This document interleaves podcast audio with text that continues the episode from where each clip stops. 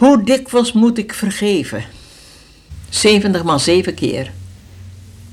Kom nou, hoe kan dat nou? Het zal toch moeten. Want u hebt zelf veel meer dan 70 maal 7 keer vergeven ontvangen. Van hem die gewaarschuwd heeft in Matthäus 6, vers 14 en 15. Indien gij de mensen niet vergeeft, zal ook uw hemelse Vader uw overtredingen niet vergeven.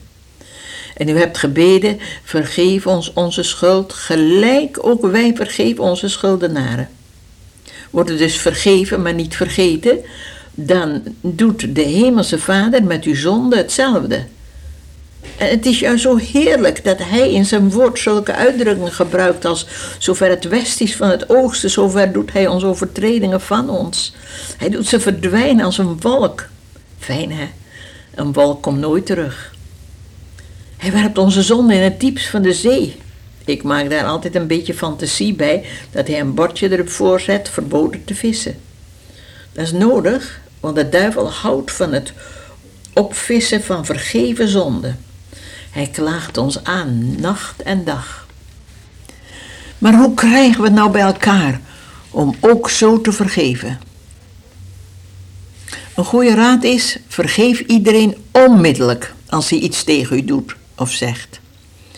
Maar dan ook echt onmiddellijk. Dan heeft de duivel geen kans om een schaduw te laten blijven in uw hart. Ik geloof dat Romeinen 5 vers 5 het antwoord is. De liefde Gods is uitgestort in onze harten door de Heilige Geest die ons gegeven is. Die goddelijke liefde weet van vergeven. Die krijgt het voor elkaar, ook in u en mijn hart. Wordt vervuld van Gods geest en die vrucht des geestes, liefde, zal zoveel sterker zijn dan de ergernis, de verontwaardiging, de haat, dat het wordt vergeven, vergeten en liefhebben. Ik moet bekennen dat ik vergeven genoeg vond. En met het vergeten maakte ik geen ernst.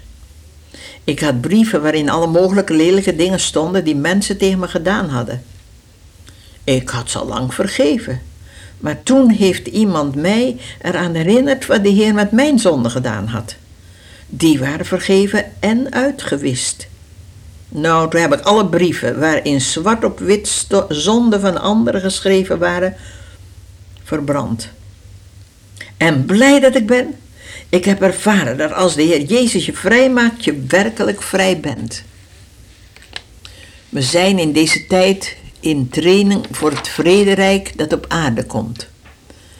De Bijbel staat vol belofte wat er allemaal gaat gebeuren als Jezus wederkomt.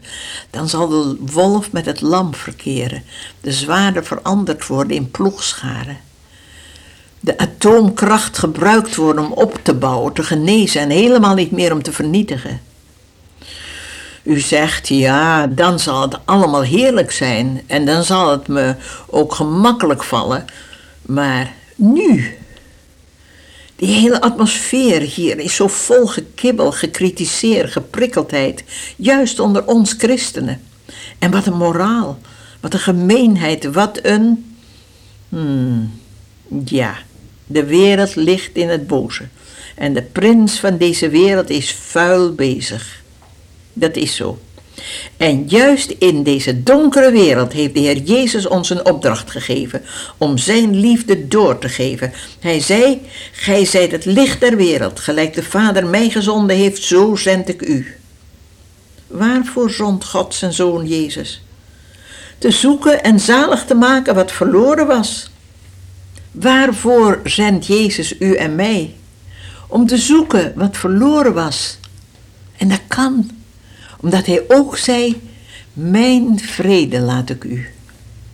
Zie, ik ben met u lieden tot aan het einde van de wereld. Hand in hand met Jezus lukt het. Zijn liefde en vrede is onuitputtelijk.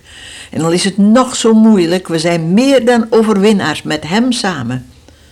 Paulus stond aan de frontlijn. Lees maar in de handelingen en in zijn brieven. Wat een tegenwerking, een haat, een verraad, een gelaster had hij.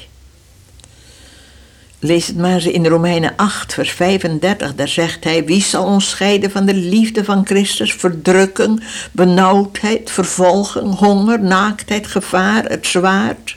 Hij kon werkelijk zeggen, om uwentwil worden we de ganse dag gedood. We zijn gerekend als slachtschapen. Wat gemeen, hè? Maar dan juicht hij, in dit alles zijn we meer dan overwinnaars door hem die ons heeft liefgehad. Ik ben verzekerd dat nog dood, nog leven, nog engelen, nog machten, nog heden, nog toekomst. Dat betekent wat er nu gebeurt en wat er straks gaat gebeuren. Nog krachten, nog hoogte, nog diepte, nog enig ander schepsel ons zal kunnen scheiden van de oceaan van Gods liefde, welke is in Christus Jezus onze Heer. Zo we bidden. Heer, leer mij iedereen meteen te vergeven, wat ze me ook aandoen. Alles zwart op wit van zonde van anderen te verbranden. Dank u dat uw vrede in mijn hart meer dan voldoende, ja overvloedig is. Halleluja. Amen.